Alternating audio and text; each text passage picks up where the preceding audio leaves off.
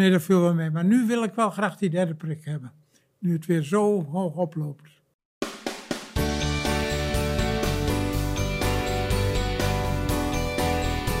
Welkom en leuk dat je kijkt of luistert naar het tweede deel van de podcast met Maarten van Rossum en Jan Terlouw. Ja, en heb je deel 1 gemist, kijk of luister die dan even eerst. En eh, veel plezier. Podcast of Hope, moving towards happiness. Nou, een van de dingen die we met eh Hoop ik zichzelf proberen te bereiken, is dat aan het eind van de eeuw iedereen zijn leven met een 8 kan beoordelen. En Eind van deze eeuw? ja, eind van deze eeuw. Gaan wij niet meer halen. Nee, Ik hoop Is- niet hoor. maar hebben jullie wel niet. de 8 eh, bereikt dan? Ik weet niet, in het, in het telefoongesprek werd dat mij ook gevraagd, wat ik van mijn leven vond. Toen zei ik 7 plus. Maar nu had ik altijd wel het verwijt onder studenten dat ik een magere cijferaar was. Het mo- moest mijn, mijn, ik, ik moest heel enthousiast worden om, om een hoog cijfer te geven. Algemeen vond ik het dan een beetje gemiddeld. Er zijn dingen in mijn leven waar ik niet zo vreselijk tevreden over ben. Maar over de hele linie ben ik niet ontevreden. Dus een 7 plus. Een betrekkelijk bescheiden cijfer, maar ik vind dat zelf wel een hele prestatie. Ja, Al zeg ik het zelf. Ik vind ook dat ik 78 ben geworden. In een redelijke conditie. Ik kon direct afkloppen. Ik klop toch even op die tafel met jullie. Maar goed, eh, hij wordt 90 spoedig. Ik hoop dus- volgende week 90 te worden, ja. wauw. Maar ik geef mijn leven wel een royale 8 hoor. Als het geen 9 is. Als ik zie hoeveel voordelen en voorrechten ik heb gehad in mijn leven. Mogen studeren. Oh, Internationale universiteit. Ik heb in MIT mogen werken een paar jaar. Een van de grootste scholen van de wereld. Ik heb in drie landen gewoond. Ik heb in Parijs gewoond een aantal jaren. Ik heb in het hart van Nederland mogen vertoeven, het Binnenhof. Dat is heel bijzonder. Ja. Het, hart, het kloppend hart van Nederland, waar alles gebeurt en waar je iedere dag iets meemaakt. Ik heb vier fantastische kinderen. Ik, ik, heb, ik heb twaalf kleinkinderen, gezonde kleinkinderen voor zover ik weet. En op het ogenblik 16 achterkleinkinderen. Wat een fantastisch leven. Ik zou het schandelijk vinden als ik dat niet een 9 gaf. Ja, ja 9 plus. 9 plus. Maken we ervan. Ja. Ik, eh, mijn leven is beduidend minder opwindend verlopen, moet ik erbij zeggen. Maar ja, ik, ik heb mijn hele leven eigenlijk kunnen doen wat ik leuk vind om te doen. En dat is natuurlijk ook al betrekkelijk uniek. Ja, dat is al genoeg waard zou ik zeggen. Ja, en- en daarbij moet je ook geluk hebben. Ik zou ook niet willen zeggen dat ik, eh, dat, dat, ik dat, dat dat allemaal mijn eigen verdienste is. Want je moet eigenlijk op een je moet vrij regelmatig precies op de juiste plek, op het juiste moment aanwezig zijn. Hm. En dan dat ik wetenschappelijk medewerker ben geworden, waar ik enorm gelukkig mee was dat ik dat werd. Overigens was ik het helemaal niet erg gevonden om leraar in Winterswijk te worden. Eh, nou, misschien niet in Duif en Westervoort, maar goed, daar wil ik nog even vanaf zijn. Eh, want ik, ik heb doseren altijd even ontzettend leuk gevonden. En, en een van de problemen met het pensioen was, ik ben nu natuurlijk al de hele tijd met pensioen, was dat ik, dat ik de colleges zou verliezen. Normaal gesproken geef je twee keer in de week. Doe Maar je kunt goed college. vertellen, hè? Ja, dat vind ik ook leuk om te dat doen. is duidelijk dat je dat leuk vindt. Ja. En dus je kunt doen wat je leuk vindt en wat aankomt bij de mensen. Dat is natuurlijk heerlijk. Dus, en en door die lezingen, nu geef ik veel lezingen, of ik, ik vertel wat op de televisie, of in de podcast natuurlijk. Dat is in feite ook een vorm van vertellen Ja. wat je daar doet. Eh, dat compenseer ik een beetje dat ik de colleges kwijtgeraakt ben. Neem zo'n neem zo'n programma De Slimste Mens. Ja, dat vind ik Toch ook- enig om te ja, doen? dat doe- vind ik heel leuk om Het te is doen. Ja. ontzettend leuk om te doen. Ik zie dat ook als een uitje eigenlijk. Dat begrijp ik, ja. Dat lijkt me heel erg leuk om zoiets te doen. Sommige mensen willen met vakantie naar de Middellandse Zee, maar ik vind het heel leuk om daar te zitten. Wanneer komt hij weer? Eh, We beginnen geloof ik 15 december. Opname te doen. Nee, opnames lopen nu. Uit, oh, Elke week twee, oh de twee opname dagen. lopen, Dat lopen. loopt Ja. voor- van tevoren al. We maken er drie per dag. En dus het zijn tien opnamedagen totaal. Zo. Dat zijn best zware dagen, Ja, neem ik dat aan. geloof ik ook wel. Voor Philip wel, voor, mij niet zo natuurlijk. ik zit in een stoel. En ik moet zeggen, dat een heel eigenaardige stoel. Er zit ook licht in de, in de leuningen.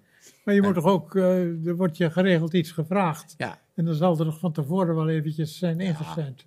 als het feitelijke vragen zijn, weet ik wel wat er aankomt in principe. Het leukste is natuurlijk als er een, als er een spontane discussie of gesprek ontstaat tussen Filip of de kandidaten en mij, dat vind ik zelf het leukst om te doen. Maar in die leuningen van die stoel, nou, we doen het nu al negen jaar, daar zaten aanvankelijk normale gloeilampen. En dan kan ik je verzekeren dat na zo'n dag was, werd in die leuningen, dan kon je een eitje op bakken. Ja, Oh, Het was echt, het was waarom pijnlijk. zaten daar gloeilampen in? Ja, ja, maar lichten, die, dat zijn lichtgevende leuningen. Oh, nooit gezien. Als je weer kijkt, moet je maar Moet. Maar nu zitten er natuurlijk ledlichten Ja. in. En ledlicht is... Nou ja, dat, Ja. dat is een ander ding waar ik zelf enorm veel plezier mee heb gehad in de loop der tijden. Ver- veranderende uitvindingen dat je denkt van... Hoe, hoe lang ik niet gehoord heb dat er ooit televisies zouden zijn... die als een soort platte plank aan de muur zouden hangen. Waarbij je altijd dacht, dat zal zo'n vaart niet lopen. En eigenlijk is dat heel snel, is dat ook daadwerkelijk gerealiseerd. Sowieso is, is ook de wetenschap zo enorm veranderd in mijn levensspannen. Dat, dat is echt een opmerkelijke zaak. Denk aan, het, eh, aan wat we van het heelal weten in, in de vroege jaren 50 en nu. Dat is een, een Ja, wereld van het is- verschil. Het is wat eh, David Attenborough zegt, hè, in één leven, het zijne, is eigenlijk alles veranderd. Ja, dat is absoluut waar. Ja. Ja. Ik kan ook alle luisteraars die misschien denken van, eh, we gaan er eens mee stoppen. Dan wil ik nog even kijken, er bestaat een website van de foto's van de Hubble-telescoop. En dat, dat moet voor iedereen die iets geeft om, om natuur en wetenschap, dat is zoiets prachtigs. Je hebt geen idee hoe mooi twee botsende sterrenstelsels zijn. Maar tegenwoordig zeggen Kamerleden, ik geloof de wetenschap niet. Ja, dat is natuurlijk van een diepe, diepe treurigheid. Dat is gewoon schandalig. Ja, dat, Als volksvertegenwoordiger, dat je de wetenschap niet gelooft. De wetenschap die de samenleving helemaal deze geweldige vorm heeft gegeven. Deze, Ja, dan denk aan het feit dat we. Er werd gezegd toen de, toen het, de, corona ontstrof. Het kon wel twee jaar of meer duren voordat een effectief vaccin zou zijn ontwikkeld. En dat was binnen een jaar een effectief vaccin. Pfizer, ook de eerste aanwezig, was ook feitelijk het beste vaccin. En dat dan, dan beschouwd wordt als vergif. Als, een, als een, een samenzweringsdaad van Bill Gates. Nou, ik weet niet wat voor gekkigheid er dan niet van gebakken wordt. Maar het is natuurlijk wel. In plaats dat je denkt, wat fantastisch. En als volksvertegenwoordigers dat zeggen, dat is zo treurig. Ja, dat is het. Maar wanneer is dat een beetje opgekomen? Ik kan me eigenlijk, ik ben het best wel gewend, omdat eigenlijk mijn hele leven heb je wel, ja, bijvoorbeeld Geert Wilders die in de opspraak komt. Eh, ja, en nu is het trouwens wel echt een stuk heftiger natuurlijk. Maar op een gegeven moment is dat gebeurd, die, eh, ja, die polarisatie. Of is dat eigenlijk altijd al ge- eh, geweest? Nou, is toch wel heel erg opgekomen in de laatste. Eigenlijk is de wereld zo veranderd met Thatcher en Reagan. Hè? Die zeiden de markt kan het beter. En dat zijn overheden gaan geloven. Terwijl het niet waar is. Want een vrije markt is in no time een oligarchie. Net als in de natuur wint daar de sterkste. En dan is het geen vrije markt meer. Ja. Maar blijven geloven in de, in de markt. En dat heeft zoveel schade aangericht. En sindsdien is ook die, die heftige rechtse bewegingen, ook door de vluchtelingen natuurlijk. En dat, ja, Is het nu gewoon wachten tot het helemaal instort? Of, eh, Nou, dat is toch een heel somber perspectief. ik denk dat. eh, nou ja, je ziet in Amerika wat het betekent als één van de beide. Die hebben maar twee politieke partijen van betekenis. En één van die beide partijen is in handen geraakt van. Ja, ik noem dat een vorm van nihilisme. Zij zullen het anders beschrijven, maar het is naar mijn idee een vorm van nihilisme. En je ziet wat een immense schade die partij aangericht heeft aan het eigen land. en nog aanricht, hè. Nog steeds, ook, ook als het, tegenhoudt. Als we, als, we, als we volgend jaar bij tussentijdsverkiezingen, eh, niet waar, als het de. Republikeinen weer in een van beide huizen de baas worden, dat zou een rampzalige zaak zijn. Ik denk wel dat gekkigheid, mensen die niet geloven in de wetenschap, in mijn jeugd had je een vereniging voor de platte aarde. Die schijnt nu ook weer actief te zijn. Ja, actiever dan ooit Dat volgens mij. weer, ja. Ja, en, nou ja, dat zijn men, en, en net zo goed had je Lou de Palingboer en je had alle gekkigheid natuurlijk. Die wist precies wanneer de wereld aan, aan zijn eind zou komen. Ja, Maar nu met al die media, krijgt De het een- sociale media, Ja. dat, dat, heeft, dat is echt een rampzalige maatschappelijke ontwikkeling. Dat is een etterende zweer ja. in elke democratie. Dat moet ook naar mijn idee aangepakt worden en gereguleerd worden. Als je ziet wat er op Facebook mogelijk is, wat Facebook heeft aangericht, de schade die Facebook aan democratieën heeft toegebracht, ook aan Amerikaanse democratie, is het eigenlijk idioot dat we dat op zijn beloop laten. Dat is zo raar. Maar wat moet je eraan doen? Hè? Het is wel moeilijk aan te pakken, denk ik. Ik zou het opbreken om te beginnen. Dus dat, je, het- dat, dat het gesplitst moet worden. Het is natuurlijk een gigantisch bedrijf met een wereldwijde reach. Daar zou je iets aan kunnen doen. En dan zullen ze toch, eh, of overheidstoezicht. Er is op allerlei dingen overheidstoezicht. Je had vroeger de filmkeuring. Ik weet niet hoe dat tegenwoordig is. Weet Zal je er nog wel zijn? 18, 14 en alle leeftijden, AL.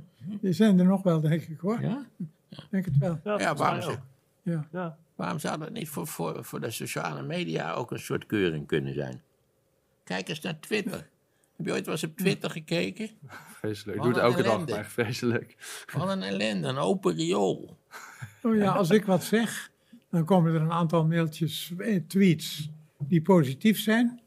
En een dag later, dan komen alle negatieve en die komen niet met argumenten, maar met kwalificaties.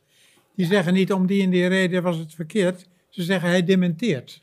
Dat zeggen ze, of hij is dik, of Ja. hij ziet er raar uit. Ja. Of, eh, Kwalificaties, geen Maar Krijg je, daar een, argumenten. krijg je daar een schild voor op een gegeven moment? Of is dat altijd nog wel naar om eh, te horen te krijgen? Doet me weinig hoor. Ja? het doet is soms ook wel komisch, moet ik zeggen. ik ben wel uitgemaakt voor een Stalinistische pedofiel. Oh. eh, voor een elitefascist, eh, een dik betaalde propagandist van de NPO. Eh, ik heb ook gezegd, dat zal ik onthullen wat ik verdien met die tv-programma's. Dan zullen ze toch constateren dat het nogal meevalt met die, met die dikke betaling door de NPO. Dan krijg je wel eens een ruzie met deelnemers aan dat programma, dat je iets gezegd hebt wat ze hoogst beledigend vinden. Ik heb eenmaal mijn excuses aangeboden. Ja, ik had een soort discussie met eh, Sylvana Simons. En, en dat is niet de beste discussiant van deze wereld. Dus ik kon voor open doel inschieten, zou ik maar zeggen. De keeper was, was iets gaan doen naast het doel. En, en toen, vond de, toen vond de redactie dat ik het wel heel kwetsend, heel kwetsend was geweest. Dus heb ik, maar ik heb de enige met wie ik ooit een soort ruzie heb gekregen, dat is er ook wel uitgeknipt, is Ton Elias van de VVD. Een hele onaangename man vond ik dat. Niet prettig. Ton Elias, nee. Nee, maar Maar voor de rest is op zichzelf is de sfeer eigenlijk in het programma ook niet, niet polariserend. In principe, daar hebben allerlei mensen meegedaan waarvan ik de politieke opvattingen abject vind. Maar het- ik, zal, ik zal hoogstens een keer zeggen dat ik het er niet mee eens ben. Of dat, ik, eh, dat je daar ook heel anders over kunt denken. Maar meestal is het gewoon leuk, Ja. moet ik zeggen. Maar staat die polarisatie in de weg eh, hoe gelukkig mensen zich voelen? Dat denk ik wel. Ja? Ja, dat denk ik wel. Ik denk dat een zekere maatschappelijke consensus. En binnen die consensus kunnen best verschillende opvattingen bestaan. Dat eh, dat, dat een prettig gevoel is. Ja. In feite is er nog steeds. Alleen bij ons zijn de franjes van de samenleving. die zijn relatief groter geworden. En dat is natuurlijk een kwestie van de immigratie. die voor veel mensen een zorgwekkende zaak is. Ook omdat ze er niks van af weten. Want dat is een heel essentieel punt hoe minder mensen weten, hoe bozer zijn, ze zijn over de dingen waar ze niks van af weten. Ja, ik wil daar wel een, toevallig een, een heel persoonlijk voorbeeld van geven. Namelijk mijn zogenaamde voordringen bij de vaccinatie. Dat eh, we. Daar heb ik een kop over gelezen, gehad? maar ik heb er niet op Nee, geklikt. ik verlang er wel naar. Ik ook. Ja, dus heb ik heb al tegen mijn vrouw gezegd dat we ons als eerste zullen melden bij de huisarts. Mijn lieve partner heeft de huisarts opgebeld en gezegd, hoor eens, hij moet zaterdag naar een groot congres. Kan hij niet die booster krijgen? en heb je hem gekregen? Nee hoor, Oh, nee. Het, het- dus een hartspecialist, nee, ik was geen klant meer. En nee, kon niet. En hoe was het dan voor die vaccinatie? Nou, het was met de vaccinatie zo dat het, was, het ging per leeftijd, het telde af. Dus de, de 100-jarigen die kwamen als eerste en dan zo naar beneden toe. En op een moment dacht ik van nou, eh, ik had gehoord dat de 78-jarigen aan de beurt waren. En ik was 77 natuurlijk vorig jaar. Ik denk, ik ben aan de beurt, maar ik had helemaal geen uitnodiging gekregen. Dus toen heb ik opgebeld naar de instanties. Zeg, wel, hoe is het, hoe zit het eigenlijk? Kan ik een afspraak maken? Want ik ben volgens mij aan de beurt. En dat was op zichzelf een komisch theater. Want de eerste zei nee, ik kon absoluut geen afspraak maken. Uitgesloten, beetje zoals jij nu met de boosterprik, uitgesloten. Ik denk, ja, dat is toch gek. Ik ben 77, dat is gek. Dus ik bel nog een keer een kwartier later. En dan kijk ik een hele andere persoon aan de lijn en zeg van... nee, dat is helemaal geen probleem. U kunt gewoon een afspraak maken. Helemaal geen, dat kunt zeker. Heeft u de boel bij de hand? Had ik de spullen van mijn vrouw niet bij de hand. Zeg, ik bel u over een kwartier even terug en dan maken we een afspraak. Dus ik bel weer een kwartier later. Je De derde persoon. Iemand anders, ja. Nee, weer iemand, heel iemand als... Nee, dat is uitgesloten. U kunt, u kunt absoluut geen uitspraak maken. Nee, nee, dat kan nog weken duren, meneer Van Os. Echt waar. Ja, dit is te gek. Ik zei nog, uw collega zei dat net. En toen heb ik een kwartier later weer opgebeld. Toen kreeg ik een hele zakelijke meneer aan de lijn. De eerste drie waren dames, ik bedoel dat niet discriminerend. En die meneer die zei, hoe oud bent u? Ik zei 77, dan wordt u dit jaar 78. Ja, dat was het geval. Ik zei, oh, dat nou, dan eh, zal ik u meteen noteren. Maar dit, en dit, dit verhaal heb ik in de podcast verteld. En nou ja, dat was echt een, een explosie, een lawine, hoe asociaal ik wel niet was. En wat stelde ik mij eigenlijk voor. En wat een schandelijke zaak dat ik een afspraak had gemaakt. En had een andere bejaarde, had ik een, een prik onthouden. Nou, zo, zo, het daverde maar door. In feite, het, er werden naar de KRO-NCRV er werden tientallen brieven geschreven dat ik weg moest als bij de slimste mens. Dat ik eh, volledig ongeschikt was voor dit soort... Nou, Ik kreeg in maart de eerste uitnodiging voor de eerste prik. April de tweede. ja, zo is het bij mij ook gegaan. Was het toen een last jij van bent je... wel- je bent meer dan tien jaar, je bent twaalf jaar ouder dan ik. Ja. Was u daar blij mee? Ik was er blij mee, ja. Ja. Want hoe was het daarvoor, toen er nog geen vaccinatie was? was dat, dat was een onzekere tijd, dan neem ik aan. Ja, ik ben niet zo'n nerveus typeje. Nee? Dat viel wel mee. Hoewel ik had net een grote longontsteking achter de rug. Maar. Nee, dat viel wel mee. Maar nu wil ik wel graag die derde prik hebben. Nu het weer zo hoog oploopt. Hmm. Ja. Ja, ik hoop ook. Waarom ook dan nu ook nu weer? Dus eh, in, in al die landen kan dat. Ja. Ik heb begrepen van de instanties dat het ook in Nederland op korte termijn uitgevoerd kan worden. De Utrechtse GGD zei ze kunnen morgen komen. Nee, pas in december. Ja, dat is toch heel raar. Begrijp ik ook niet. Dat, dat, dat moet natuurlijk de jongen nog wel eens heel overtuigend uitleggen. Want dit is raar gewoon. Want in december, dan zijn we toch weer een dikke maand verder. Ja, dan hebben we alweer toneelstuk. tal van mensen Ja. zoals wij het gekregen. Ja, precies. En dan, en die gaat dood. Maar is het niet zo dat het virus momenteel vooral ongevaccineerden treft? Nou, hoe langer hoe meer toch ook gevaccineerden hoor. Die, voor wie het alweer lang geleden is. Ja, oké. Ja. Ja. Want ik vroeg me dan altijd af van, als het dan toch over het algemeen ongevaccineerden treft, waarom zou je mensen met vaccinaties nu dan een derde geven? Want daar ligt overduidelijk niet het probleem. Nou, dan moet je die mensen wel zo gek krijgen dat ze gevaccineerd Ja, ja. willen worden. Want dat, Natuurlijk. dat, dat speelt daar namelijk doorheen. Op zichzelf is het zo, kijk, de groep van van gevaccineerden is veel en veel groter dan de groep van de niet-gevaccineerden. Ja. Ja. Dat scheelt een factor 5 of meer. Maar de kans bij de niet-gevaccineerden dat ze het krijgen is ook veel en veel groter dan Ja. bij de wel-gevaccineerden. Maar omdat er zoveel gevaccineerden zijn, komen daar nu ook een, een, meer besmettingen voor. Die, die overigens Ja. in het algemeen relatief gunstig verlopen. Te zeggen, Keurig uitgelegd door even tot hier, zaterdagavond. Ja, ik vind het wel moeilijk wat ik allemaal moet geloven. Dus je hebt ook bijvoorbeeld, dan hoor je dan eh, van ja, er zijn, het hele ziekenhuis ligt vol met gevaccineerden, maar een ziekenhuis, daar kan, liggen dan twee mensen in, max per ziekenhuis. Dus dan is dat ook niet zo heel erg bijzonder dat er vol liggen met gevaccineerden. Dat is gewoon, Ik weet niet, dat is. eh, als je kijkt naar die. eh er liggen nu alweer, ik geloof, 268 mensen op de IC. ja, maar dat is verdeeld over alle ziekenhuizen Ja, in dat Nederland. is zeker waar. Maar een van de problemen met de IC's was dat wij een heel beperkte IC-capaciteit hadden in Nederland. Ja. Allemaal op basis van een extreem eff- efficiëntie van het systeem. Waardoor we ongelukkigerwijs, dat vond ik zelf vrij typisch toch, dat je patiënten naar Duitsland moet transporteren om ze daar te laten behandelen. Eh, eh, en die capaciteit is niet toegenomen in het afgelopen jaar, die is afgenomen. En dat komt omdat het aantal IC-verplegers Dat is afgenomen. En hoe komt dat? En dan komen we aan een heel interessant punt: dat mensen in onderwijs en zorg in Nederland schandalig slecht betaald worden.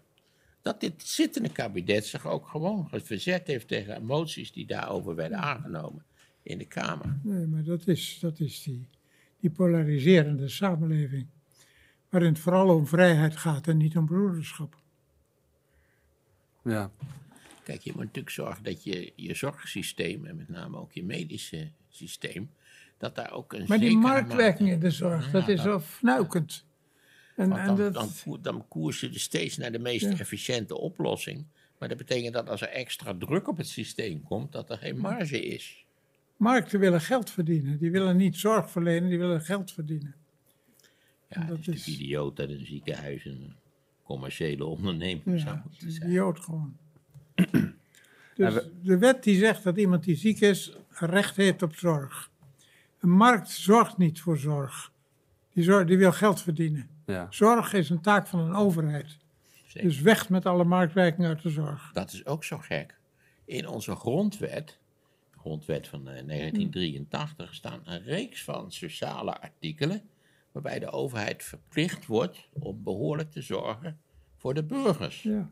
Ik, nou, je weet dat in zo'n die agendazaken en zo, dat, dat de rechter eh, wel bereid is om, om daar op basis van dergelijke eh, wetsartikelen zeer dwingende uitspraken te doen. Ik begrijp nooit begrepen hoe de, zeg maar, de, onze liberale kabinetten, waarom die dus die grondwetsartikelen niet hoeven uit te voeren. Natuurlijk moeten ze dat. Dat is raar. Ik vind het ook heel interessant dat internationaal zie je dat de rechters zich ook gaan beroepen op, op verdragen. Zeggen mensenrechtenverdrag. Het staat weliswaar nog niet in je wet, maar wel in het verdrag. En dus heb je die wet maar zo te maken dat je aan het verdrag tegemoet komt. En dan hebben wij natuurlijk Europees recht, wat op een aantal punten meer, betere garanties biedt dan onze eigen wetgeving. En dan, wat zegt de VVD dan? Nu we toch bezig zijn. wat zegt de VVD van? We zouden ook wat van die internationale verplichtingen, daar zouden we een Ja. beetje van af moeten. Nou ja, dat, dat is dan vrij sterke kost. Hè? Want ze zijn wel enorm boos op Boris Johnson als die met de pet naar, die, naar, naar de verdragsteksten gooit. Maar kennelijk bestaat die intentie bij ons ook. Nou ja, we hadden het eh, net dus ook een beetje over de, eh, ja, de acht die iedereen zou moeten hebben aan het eind van de eeuw. Zijn dit ook dingen die daaraan bij zouden dragen? Wat je net zeggen over We hebben het zorg, over het klimaat gehad. het klimaat. Eh, Ja, dat is wel een interessante. In hoeverre is het klimaat, ehm, draagt dat bij aan wat voor cijfer iedereen zijn leven zou kunnen geven? Dat laat ik eerst aan Jan over. er, er zijn in de geschiedenis van, de, van het leven op aarde, is er vijf keer is het leven met uitsterven bedreigd geweest. Al vijf keer is er meer dan 50% van alle dierlijke en plantaardige leven uitgestorven. Alle keren was de oorzaak een niet-natuurlijke. Meteorietinslag, uitstoot van fosforverbindingen enzovoort. Dat tot 80% van het leven verdween. Nu voor de zesde keer is de biodiversiteit enorm aan het afnemen. Sterven planten en diersoorten uit. En nu is de oorzaak een wel natuurlijke, namelijk de mens. Die veroorzaakt het. En als we zo doorgaan, dan wordt het heel ernstig met de zeespiegelstijging en met ver- verwoestijning, met dikkere hagelstenen, met grotere stormen. En dat mogen we onze kinderen natuurlijk niet aandoen, onze kleinkinderen. Dus we zullen onze enige inspanning en iets welvaart, teruggang, niet veel hoor, moeten getroosten om het tegen te houden. En of dat gaat lukken in Glasgow, dat is zeer te betwijfelen. Maar ik onderstreep nog maar eens, het kan wel. Het is helemaal niet zo dat er een echte hinderpaal is. Er is zonne-energie genoeg, we hebben geld genoeg, we kunnen technisch alles, het kan. Dus hebben we het maar te doen, vind ik. Nou, u zegt eigenlijk, het maakt niet zoveel uit hoe gelukkig mensen zijn als eh 80% van al het leven op aarde toch niet meer... eh Als de mensheid aan het uitsterven is, dan maakt het niet ja, uit dan is er even iets anders aan de orde. Ja, zeker waar. En bovendien, je wordt helemaal niet minder gelukkig van minder welvaart. Nee, dat Je wordt ongelukkig van, van armoede. Ja. Maar je, wordt- het hoeft helemaal niet tot armoede te leiden. Ik geef altijd het voorbeeld jaar 1962. Toen was ik 19. En toen was wij zijn nu ongeveer vijf tot zes maal zo welvarend als we toen waren. We gebruiken overigens per persoon in Nederland vier keer zoveel energie nu per dag Ja. als we in 62 deden. En ik garandeer jullie dat wij, althans ik en iedereen die ik kende, toen geen haar minder gelukkig of tevreden met het leven was dan nu. Hè? Ja. Terwijl, hoor. eh, en bij mij in de straat was, was precies één familie met een auto. TV hadden wij niet. Radio luisterden we niet naar, we hadden een krant. Maar dat, nee, dat, dat, je hebt dan namelijk al een welvaartsniveau bereikt. Waar, waar zulke zekerheden in verpakt zitten dat je, ook als je vijf keer zo welvarend wordt. Dat is heel interessant onderzoek. Je wordt alleen gedaan. ongelukkig als de buurman rijker wordt. Ja, dat is een grotere auto. Dat, is, dat is heel Ja. problematisch. Zeker. Maar in 62 zeiden wij, make love, not war. Ja, nou ja, de jaren 60 waren best een leuke tijd. In de Ja. zin dat het een heel optimistische tijd was Ja. natuurlijk. En, en dat tijd. zijn we wel een beetje kwijtgeraakt. Het probleem, denk ik, met het, het klimaat is, het is net wat Jan zegt. We hebben het geld, we hebben de technologische mogelijkheden. We weten precies eigenlijk wat we doen moeten. Maar eh, we hebben geen wereldregering. En, en ongelukkig genoeg zijn de drie grootste spelers op het wereldtoneel, dat zijn er drie, dat is China, de Verenigde Staten en de Europese Unie. De enige interessante speler van die drie, dat is de Europese Unie. Eh, omdat dat eigenlijk al een heel complex samenwerkingsverband is. Dat is ook een voorbeeld. Ja. En we hebben ontzettende pech dat de twee andere reuzenspelers nazistaten zijn. En nazistaten die, eh, die willen altijd de andere nazistaten de loef afsteken. En die zijn altijd bezig met de vlag. Ze zijn nu toch weer begonnen met z'n tweeën aan een race naar de maan. Ze zijn er geweest. Het is totaal oninteressant. Het is flauwekul, eerste klas. Er worden miljarden ingestopt. Stop het in iets anders. Terwijl alle problemen zijn mondiaal geworden. Hè? Niet alleen dat virus wat we hebben, maar ook het klimaatprobleem, het vluchtelingenprobleem. Het is allemaal mondiaal geworden en de regeringen zijn nationaal gebleven. Dat is een van de grote problemen van vandaag de En, dag. en denken competitief over de andere natie. En Ja. China en Amerika zijn ineens begonnen met elkaar te bedreigen en allerlei kletspraten verspreiden over existentiële bedreiging. En dat is echt, als je denkt hoe onbeschrijfelijk veel geld verspild is aan de Eerste Koude Oorlog, dan is toch wel het laatste wat je zou willen een Tweede Koude Oorlog. Het is verschrikkelijk Ja. wat er aan wapensystemen verspild wordt. Dat is heel erg hoor. Dat is wel heel, ook heel frustrerend. Want er zijn zulke grote machten. Ja, wat doe je er eigenlijk aan als, als individu? Nou, wij als individu kunnen er heel een paar weinig aan doen. Je kunt je best doen als individu. Maar Nederland eh, is een piepklein land. Hè. Wij zijn ongeveer even groot als een grote Chinese stad, globaal gesproken. We hebben ook vaak zo tegen de 14, 15 miljoen inwoners. Eh, maar wij zijn wel een deel van de Europese Unie. En die Europese Unie is een veel interessantere en, en ook veel meer een lichtend toekomstperspectief dan China en de Verenigde Staten Ja, zijn. maar moet je kijken hoe moeilijk het wordt met de oostelijke, die oostelijke landen. Ja, dat komt, dat, Met dat, de natuurlijk wel Hongaren en de Polen. ja, dat is wel een verklaring voor. Ja. Het beste kunnen we ze natuurlijk maar een beetje laten eh, garen in eigen sop. Hoe moet je? Nee, dit, je ziet dat ik niet koken kan. Eh, je, moet ze, nou ja, je moet ze, laat ze maar een beetje... Ik denk niet dat je ze eruit moet gooien. Ik denk wel... Kijk, de tragiek van Oost-Europa is dat het 50 jaar emancipatie gemist heeft. Ja. Het was vreselijk achter het ijzeren gordijn. Dat realiseren mensen zich niet wat een, wat een totaal fantasieloze, benepen, dictatoriale landen dat waren. En Zo'n DDR, dat was gewoon een heel akelig, gemeen, klein gevangenisje. Maar laten we ze maar wat minder in de watten leggen, maar wel erbij houden. Dat zou ik ook zeggen, ja. Pak ze aan. Kunnen we ook wel. Nou, als je ze helemaal alleen laat, dan gebeurt er misschien helemaal niks. Maar mijn, ik ben van mening dat afgezien van de, de twee grootste prestaties van de mensheid na, de vijf, na 45, dat is de verzorgingsstaat, de moderne verzorgingsstaat en de Europese Unie.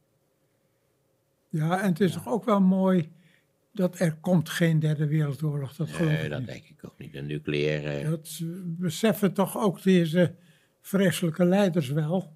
Een nucleaire oorlog slaat op hunzelf terug. Dat is onvermijdelijk. Ja. Dus ik denk niet dat het gebeurt. Maar dat vind ik wel fijn om te horen. Ja, nee, dat, dat stelt wel gerust inderdaad. Dan ga ik toch gelukkiger weg eh, Denk jij ook? vanavond. Ja, ik denk, ik acht een groot, zeg maar, een conflict à la de Eerste of de Tweede Wereldoorlog. Met inzet van weer nieuwe wapens, dat acht ik uiterst onwaarschijnlijk. Ik vind ook die paniekverhalen over Taiwan en zo. Dat, dat, daar zouden ook de autoriteiten zich eh, voor moeten schamen voor die kletspraat. Maar hoezo denken jullie dat niet dan? Ik denk niet dat China het, ooit het risico zou nemen om Taiwan in te lijven met militaire middelen.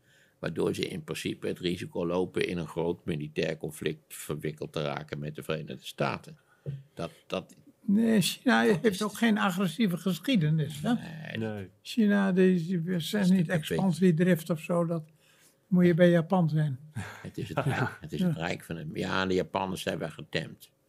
Net als ja. de Duitsers natuurlijk. Als je, als je natuurlijk 16 jaar een, een bondskanselier hebt, nietwaar, in Geranium rode broek pakken, dan, dan weet je zeker dat het klaar is met de Duitsers.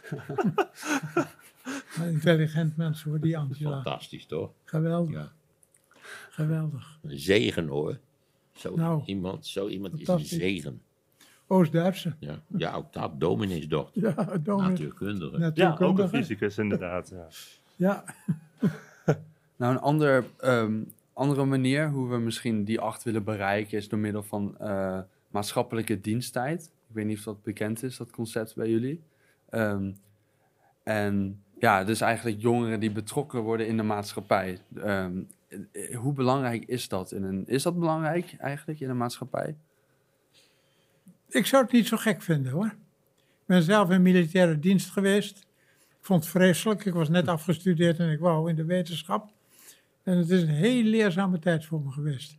Nou, maatschappelijke diensttijd, dat betekent niet in het leger, maar dat je Nee. eh, dingen doet voor de maatschappij. Maar dat je eh. toch even georganiseerd je voor de maatschappij inzet. Ja. Het leger toch eigenlijk ook. Hè? Ja, Ja. Maar wat heeft u daar geleerd? ja, ik werd onmiddellijk waarnemend compagniescommandant. Ik kom uit de studententijd en word ineens bij een commandant die voortdurend ziek was. Word ik ineens ben ik de baas over 300 mensen. Oh. Waarbij onderofficieren, beroepsonderofficieren. En dat was ontzettend leerzaam. Ik moest straffen en ik moest bevorderen en ik moest organiseren. Ik heb daar heel veel van geleerd in een korte tijd. Ik hoor eigenlijk alleen maar positieve dingen van mensen die diensttijd hebben gehad. Alleen, Nou, daar Alsnog? ik ook nog wel iets over oh ja? Ik ben, ja? Dat vind ik wel fijn. ik ben vijf maanden in dienst geweest en dat is zonder meer een absoluut dieptepunt in mijn leven. Ja, in vijf maanden. Ik kan niet anders zeggen. Ik werd opgeleid tot tankcommandant.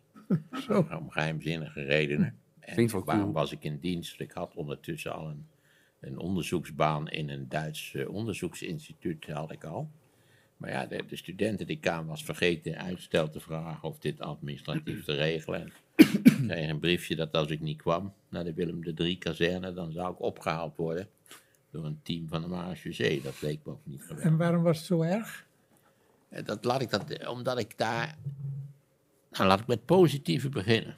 Ik heb één ding geleerd en dat is het lezen van de stafkaart. Je kunt mij nog steeds met een tank door het, door het landschap laten rijden. En kan je precies zeggen hoe diep de sloten zijn. En dat je op de, op de- hoe je op de kerktoren oriënteert en waar je wel en niet overheen kan. Op een brug, nou, al die dingen meer. Dat is nuttige kennis, vooral omdat je vaak natuurlijk met een tank door het landschap rijdt. Ehm, Daar moet je dagelijks plezier Ja, hebben. ja. ik vond, het, eh, ik vond het eigenlijk voortdurend enorm willekeurig. Ik ben iemand die geneigd is om te vragen waarom dingen gebeuren die ik niet erg redelijk vind. Laten we, ja, laten we op dat punt weer terugkomen. Al was het maar het opmaken van je bed. Je moest je laken moest je zo omklappen dat het precies op de millimeter aansloot op het. Op het, op het deurtje van je kast.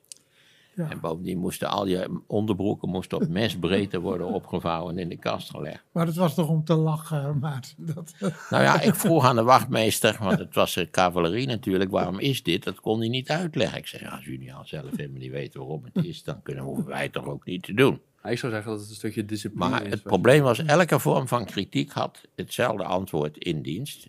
Jij wilt zeker het weekend binnenblijven.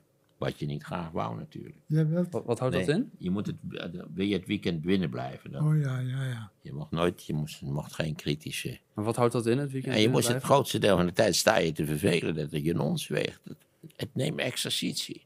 Wij moesten wel anderhalf uur per, per dag exerceren. Dus de vraag was voor de hand liggend waarom aanstaande tankcommandanten zouden moeten exerceren. Ja, exercitie was heel nuttig in de Napoleontische tijd. dat, ging met carrezen, dat zal er verder niet uitleggen. Maar hier niet. En ook daar, als je kritische vragen stelde, je hebt geen idee hoe gelukkig ik was dat ik bij de basiscommandant werd geroepen. Dat de minister mij toestemming had gegeven om de dienst te verlaten en naar Mainz te vertrekken. Ik heb het allemaal natuurlijk ook meegemaakt. Ik kreeg les in hoe een accu werkt. Als net afgestudeerd natuurkundige. En waar. daar moest ik dan bij zitten. Ach, ik heb er ook veel van geleerd. Ik heb er veel van geleerd. Dat, dat eh, in die zin dat eh, organisaties eh, volkomen nutteloze routines hebben. die ze opgebouwd hebben in de loop der jaren. waar ze geen afscheid van willen nemen. Ik ben ook lid geweest van het Utrecht Studentenkoor. Dat is, daar heb ik ook allerlei betrekkelijk negatieve ervaringen opgedaan. Dat vond ik ook enorm leerzaam. Omdat je ziet Ja. dat je een organisatie zo kunt maken. dat eigenlijk de, de ontsporingen al ingebouwd zijn. En dat blijkt nog elk jaar bij, bij de ontgroeningen van de diverse corpora natuurlijk. Het is gewoon ingebouwd in het systeem. Het heeft iets te maken met handhaving, met, met sociaal verantwoordelijkheidsgevoel enzovoort. Dus van deze twee negatieve ervaringen heb ik, alleen vond ik ze negatief en jij ziet de ervaring als positief, maar ik, ik heb er veel van geleerd. Ja, Maar eh, als ze mij in dienst na drie weken hadden gezegd, je kunt naar huis, dan had ik ook ja maar ik ook ook natuurlijk. het vaandeltje uitgestoken. Mijn twee broers zaten tegelijkertijd met mij in dienst. Geen broederdienst. Nee, er waren met z'n drieën verschillende uitstelperiodes tegelijk in dienst. We vonden het allemaal vreselijk. We hebben gezegd, jongens, als jullie ons gezeur verdragen, zullen we een enorm feest geven als we eruit komen. Wat we gedaan hebben. Jullie zijn gewoon toch iets positiever ingesteld dan ik ben. Ja. Maar het was ook heel, heel boeiend hoor. Nou, je, je gaat er ook steeds positiever naar kijken, merk ik al eh, nu, toch? Nee, ik, ja, dit, deze hele discussie begint vanwege een eventuele sociale dienstplicht. Want Ja. daar wou jij het toch over hebben. Daar ben ik geen voorstander van. Ik, nee, ik vind dat dat vrijwillig moet zijn. En als je dat al zou willen, zou je toch. eh, ik vond het ook heel onrechtvaardig dat meisjes niet in dienst hoefden. Hè, want ook dienst is overigens een vorm van sociale Ja, plicht. Hè, want, eh, het ging even om de mogelijkheid dat de Russen ons zouden aanvallen. Niet dat die er ooit geweest is, maar goed, dat hebben we ons hetzelfde tijdje wijsgemaakt. maar je kunt een beetje verzorging inbouwen met die sociale dienstplicht. En een beetje discipline voor de jeugd, een jaartje, is toch niet zo gek? Nou, het idee is meer dat je zelf iets kiest wat je zelf wil bijdragen aan de maatschappij. Ik, ik vind het heel moeilijk dat de overheid het beslag op je tijd legt. eh, zonder een werkelijk dringende noodzaak. En dat is er natuurlijk bij dienstplicht, kun je zeggen. Was die er eigenlijk wel. We zijn er ook tenslotte mee gestopt natuurlijk. Ja, kan je alleen achteraf zeggen. Ik, ik zelf ben van mening dat de Koude Oorlog veel te lang geduurd heeft. En dat, dat, dat als het iets meer volwassen en redelijk zou zijn nagedacht. Dat we er in halverwege de jaren 50 zonder al te grote moeite een eind hadden, aan hadden kunnen maken. Ja.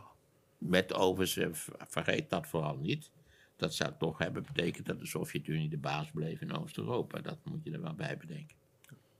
Het is een onbesch- dat wat Gorbachev heeft gedaan, is, is een onbeschrijfelijke zegen voor de mensheid geweest. Hoe je het ook bent of keert. Ja. Hoeveel last ook hebben van die Polen en van die, al die luideren in Oost-Europa.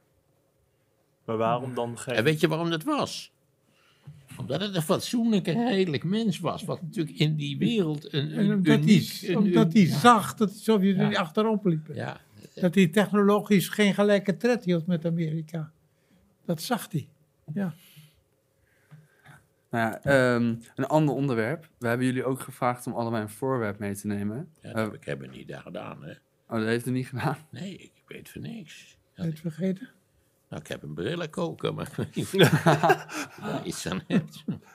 Ja, een voorwerp waar je geluk uit haalt of inspiratie Oh, uit haalt. Op die manier.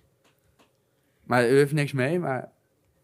Meneer Terlouw, heeft u wat mee? Ik heb wat meegebracht.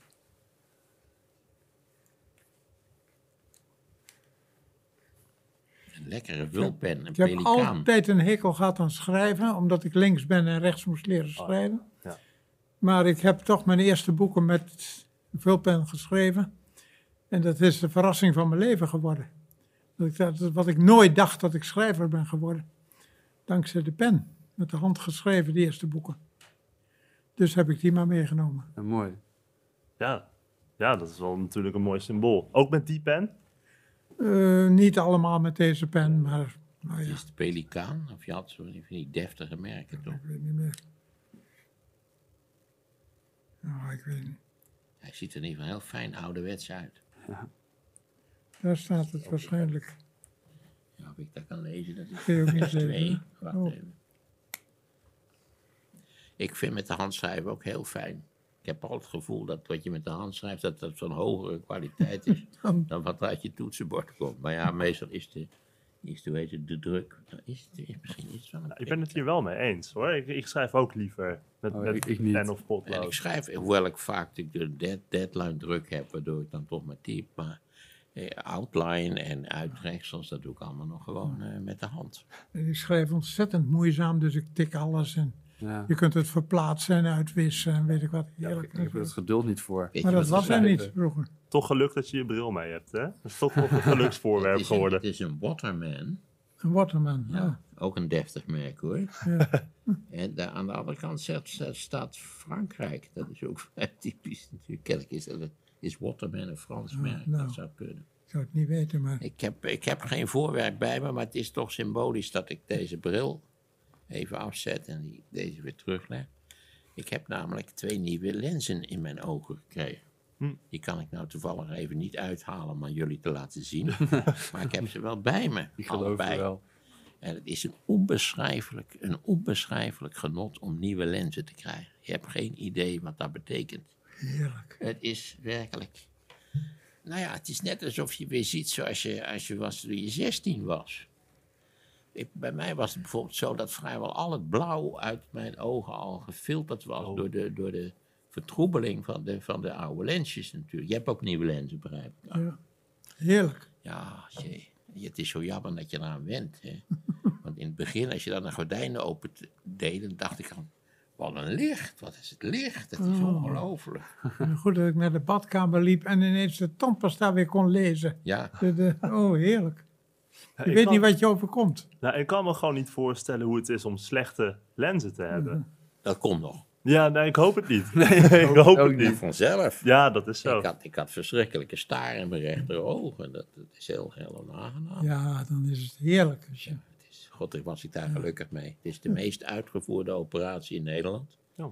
De risico's zijn minimaal, het doet geen pijn. Het, doet geen pijn, het is heel simpel. Het is, ja, ja. het is echt een wonder. Dat je ook denkt, kan ik ook enkele andere onderdelen laten vervangen op deze basis? Hm? Ja, dat kan steeds meer volgens mij, hè? Jazeker. Nou, ook dat hebben we ook nog niet. De, medische wetenschap die is zo ontzettend vooruit gegaan. Ja. Als je denkt dat een heupoperatie eh, 30 jaar geleden, dat was een verschrikkelijk probleem. Vaak, vaak overleefden de oudjes het niet. Tegenwoordig is een heupoperatie. Ja, als je Ja, litteken geweldig. ziet, dat stelt niks voor. Ja, maar kijk überhaupt hoe lang men tegenwoordig leeft.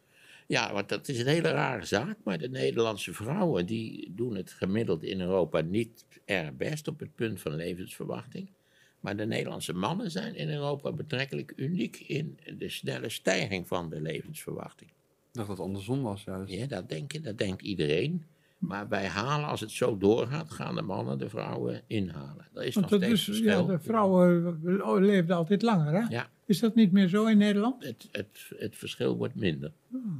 En eh, waarschijnlijk komt dat omdat veel Nederlandse vrouwen zijn blijven roken. Meer dan in andere landen. Is dat zo, ja? Dat denk ik ben. Ik bedoel, ik, eh, Zou kunnen, ja. ik, ik hang, van- ik hang van irrelevante feitjes aan elkaar. Dus, dus, dus ik, ik, ik moet het wel even opzoeken. Nou, dat is geen probleem. Nou, we zijn wel bijna bij het einde van het gesprek. En we vragen eigenlijk altijd de gasten als afsluiting of ze een tip hebben voor de mensen die luisteren. Eh, Om gelukkiger te worden. ja, of om inspiratie op te doen. Tjee. Nou, ik heb natuurlijk een kleine tip. Kom niet met uw auto naar Westervoort en Duiven. Dat, moet, dat scheelt enorm in uw geluk, in uw geluksbeleving. Daar ben ik heilig, heilig van overtuigd. Ik ben zelf een groot gelover in, in, in wandelen, in, in, de waarneming van de seizoenen, in, in allemaal wat betrekkelijk simpele dingen die iedereen kan doen. En, en die ontzettend fijn zijn als je, je moet natuurlijk een soort routine opbouwen. Dat zie ik ook aan veel mensen, dat, maar je moet gewoon elke dag even gaan wandelen. In een park of hier, eh, hier heb je waarschijnlijk allerlei, allerlei meer natuur dan ik in Utrecht bij de hand heb. Maar ik zou dat altijd doen. Hele goeie. Ja. En nu Jan? Ja, ik zou zeggen, use it or lose it. En daar hoort dat wandelen heel goed bij. Blijf de dingen die je hebt gebruiken. Dat geldt ook voor je autorampje. Als je niet af en toe open doet, na vier jaar krijg je het niet meer open. Zit het vastgeroest. Blijf je hersens en je spieren gebruiken. Hm. Ga niet, als je oud wordt, achter de geraniums zitten. Gaan heel veel mensen dood achter de geraniums. Blijf actief. Je blijft er gelukkiger door, je blijft, wordt er, blijft er gezonder door en je bent aanvaardbaarder voor je omgeving. In het algemeen, denk ik. Use it or lose it. Mooi. Hij wordt 90 en ik ben 78. Oké, dat is iets minder, maar toch, als je het bij elkaar optelt, is het toch vrij Toch heel wat, hè? Ja, Zie je het wat? is meer dan anderhalve eeuw. Ja, en we mogen nog wat zeggen af en toe. Ja, dat is ook wel erg fijn. dat je gekend wordt. Ja. Hè? Ja? Ja, het Hoor is, erbij. het is Ja. gezien. Dat is de laatste regel van eh Reven, de avonden. Nou, mooi. Maar vindt u dat fijn dat u gekend wordt dan? Ja? Ik denk dat, dat het flauw zou zijn als ik zou ontkennen dat, dat dat best prettig is. Dat je, dat je gebeld wordt om iets te, te gaan doen. Of dat je voor een lezing wordt gevraagd. Of dat, dat je uitgever tevreden is als je boekje af is. Of dat je richting Westervoort Duiven mag rijden? Ja, dat, dat, zijn weer, dat is een onderdeel van het leven wat, wat bezwaarlijk is. En dat heeft te maken met eh, gebrekkige investeringen in infrastructuur in, in deze regio. Nou, dan sluiten we hem daarbij af. nou, heel erg bedankt dat jullie hier waren. Bedankt. Leuk dat je keek of luisterde naar deze aflevering van de Podcast of Hoop. Iedere zondagochtend komt er een nieuwe aflevering online op iTunes, Google Podcasts, Spotify en je kan ons zelfs bekijken op YouTube en podcastofhoop.nl. Vergeet ons ook niet te volgen op Facebook en Instagram. En heb je nou een suggestie voor de podcast of wil je zelf een keer je verhaal komen doen? Stuur dan een mailtje naar podcast.hoop-xxl.com. Tot ziens. De wereld waarin we leven biedt nog geen gelijke kansen. Voldoende eten en drinken. Een adequate opleiding. Goede gezondheidszorg. Vrede en geluk is niet voor iedereen weggelegd. Maar stap voor stap wordt het beter en zijn we op weg naar een octopische samenleving waarin iedereen zijn of haar leven als goed kan beschouwen. Het is een lange reis, maar we zijn op weg. Podcast of Hope. Moving towards happiness.